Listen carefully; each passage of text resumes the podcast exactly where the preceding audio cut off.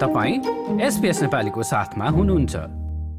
आइतबार पोखरामा भएको एथियरको विमान दुर्घटनामा नेपालका एकजना सक्रिय पत्रकार त्रिभुवन पौडेलको पनि ज्यान गएको छ। अडसठी यात्रुसहित चारजना चालक दलका सदस्य सवार रहेको विमान पोखरा विमानस्थलभन्दा करिब दुई किलोमिटर पर सेती नदीको खोजमा दुर्घटनामा परेको थियो। आइतबार बिहान दस बत्तीस बजे काठमाडौँबाट पोखरा उडेको एटिएयरको एआरटी बहत्तर विमान पोखरा महानगरपालिका पन्ध्र नयाँ गाउँस्थित सेती नदीको खोजमा दुर्घटना भएको हो। निकै लामो समय अस्ट्रेलिया बसेर फर्किएका पत्रकार मनऋषि दितालले त्रिभुवन पौडेलसँग आफ्नो व्यक्तिगत र व्यवसायिक सम्बन्ध रहेको बताएका छन् सन् दुई हजार एकदेखि नै त्रिभुवनसँग सामिप्यता भएका दितालले उनलाई व्यावसायिक र ऊर्जावान पत्रकार भएको बताए सहकर्मी सुनिता पोखरेलले पत्रकार दितालसँग गरेको कुराकानी सुन्नुहोस् uh, now in Kathmandu based uh, freelance journalist. Uh, we was together, um, Mr. Tribhuvan, uh, uh, late Tribhuvan, my beloved friend. Uh, we was together in our uh, journalistic works before. Uh, since 2006, 2016, uh, I'm very uh, uh, sad hearing the news. Yesterday, he died in Pokhara plane crash. He was very energetic, very friendly, very professional, uh, social. Uh, so we are remembering him, uh, and we will remember him uh, forever. Uh, it's very uh, great loss, big loss for our journalism in Nepal and all over the world for the Nepalese community. हजुर हस् त्यही अब सुरुमा चाहिँ a, मनऋषि चाहिँ अब तपाईँको भेट त्रिभुवनजीसँग कहाँ कसरी भयो अनि अहिले यो यो समाचार सुन्दाखेरि तपाईँलाई कस्तो भएको छ? अब यो यो समाचार दुःखद छ त्यसमा कुनै डाउट छैन तर तपाईँले अब व्यक्तिगत रूपमै पनि चिन्नुभएको हिसाबले होइन एकजना अब त्रिभुवन पौडेलजी त्यसमा पढ्नुभयो। कस्तो कसरी लिनुभयो यो समाचारलाई? त्यसको बारेमा भनिदिनु न। हजुर मैले व्यक्तिगत रूपमै चिनेको सँगसँगै सहकार्य गरेको हामी सँगसँगै पत्रकारितामा हुर्केको युवा साथी हुनुहुन्थ्यो। पहिलोचोटि हिजो बिहान मलाई सिडनीबाटै एउटा फोन आयो र म अर्को एउटा काममा व्यस्त रहँदाखेरि पोखरामा के भयो प्लेन हरायो अरे के भयो भन्ने खबर आयो। त्यो हुँदा बित्तिकै हामी धेरै चिन्तित भयौँ।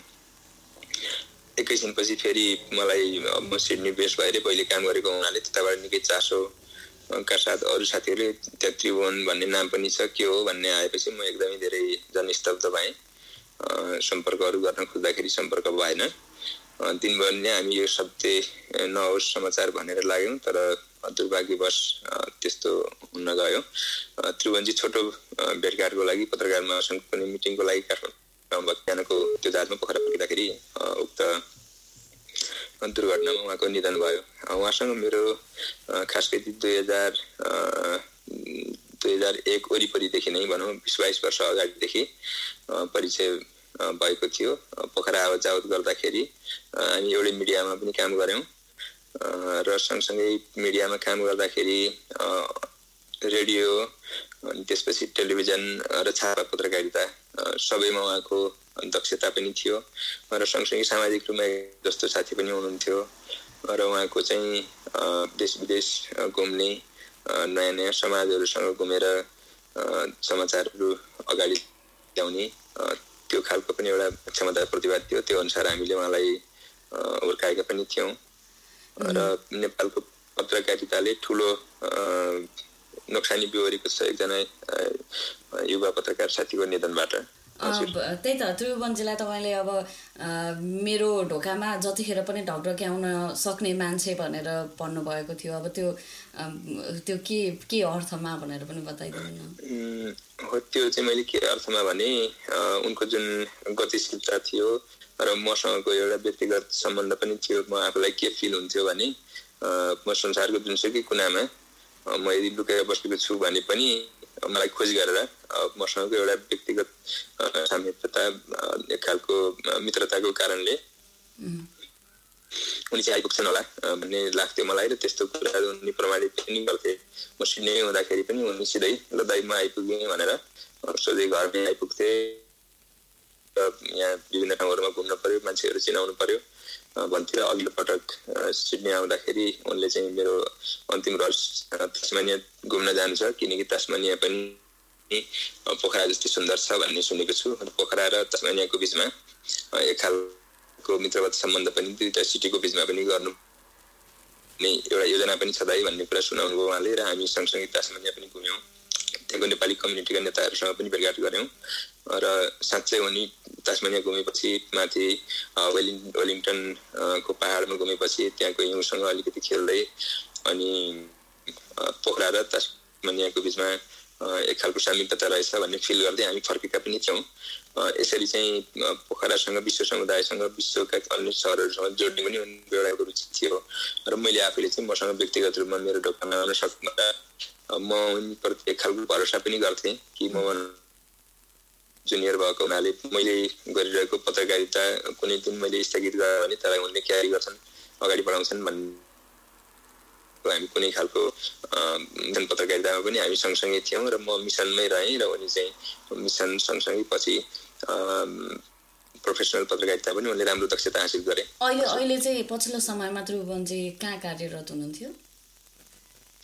उहाँले पोखरामै पोखरा हटलाइन भन्ने मिडिया सञ्चालन गर्नुहुन्थ्यो र नेपाल पत्रकार महासङ्घको केन्द्रीय सदस्य हुनुहुन्थ्यो। सँगसँगै श्रमजीवी पत्रकारहरूको एउटा अर्को संस्था छ प्रेस सेन्टर नेपाल जसको म आफै संस्थापक सदस्य हुँ। त्यसको चाहिँ केन्द्रीय उपाध्यक्ष हुनुहुन्थ्यो र म चाहिँ पूर्व सदस्य भइसकेँ अब। हजुर। उहाँको परिवारमा चाहिँ को को हुनुहुन्छ अहिले भनेर उहाँको परिवारमा आमा हुनुहुन्छ। पछि श्रीमतीज्यू र बच्चा हुनुहुन्छ। निकै दुःखको कुरा छ साह्रै नै। हामी एकदमै गहिरो शोकमा छौँ। शब्द हुनुको कारणले व्यक्तिगत रूपमा मैले गर्न सकेको छैन। अब आजदेखि सम्हालिन्छ होला। हामी अरू हाम्रो यो पत्रकारिता सम्बन्धमा ठाउँ अनि त्यहाँ पोखराका पत्रकार साथीहरू र हामी काठमाडौँ पनि पत्रकार महासङ्घकाहरूले यो हप्ताभरि दुई हप्तासम्म पत्रकार महासङ्घका सबै कार्यक्रमहरू स्थगित गर्नुभएको छ हरेक पत्रकार महासङ्घका अफिसहरूमा शोक पुस्तिका राख्नु भएको छ र पत्रकार महासङ्घ र अन्य पत्रकार सङ्घ संस्थाका संस्थागत ढङ्गले हामी भेटघाट गर्छौँ होला व्यक्तिगत रूपमा अहिले मैले परिवारका सदस्यहरूसँग सम्पर्क गर्न आँट गरिसकेको छैन। धेरै धेरै धन्यवाद मनऋषिजी यो कुराकानीको लागि। लाइक सेयर र कमेन्ट गर्नुहोस्। एसपिएस नेपालीलाई फेसबुकमा साथ दिनुहोस्।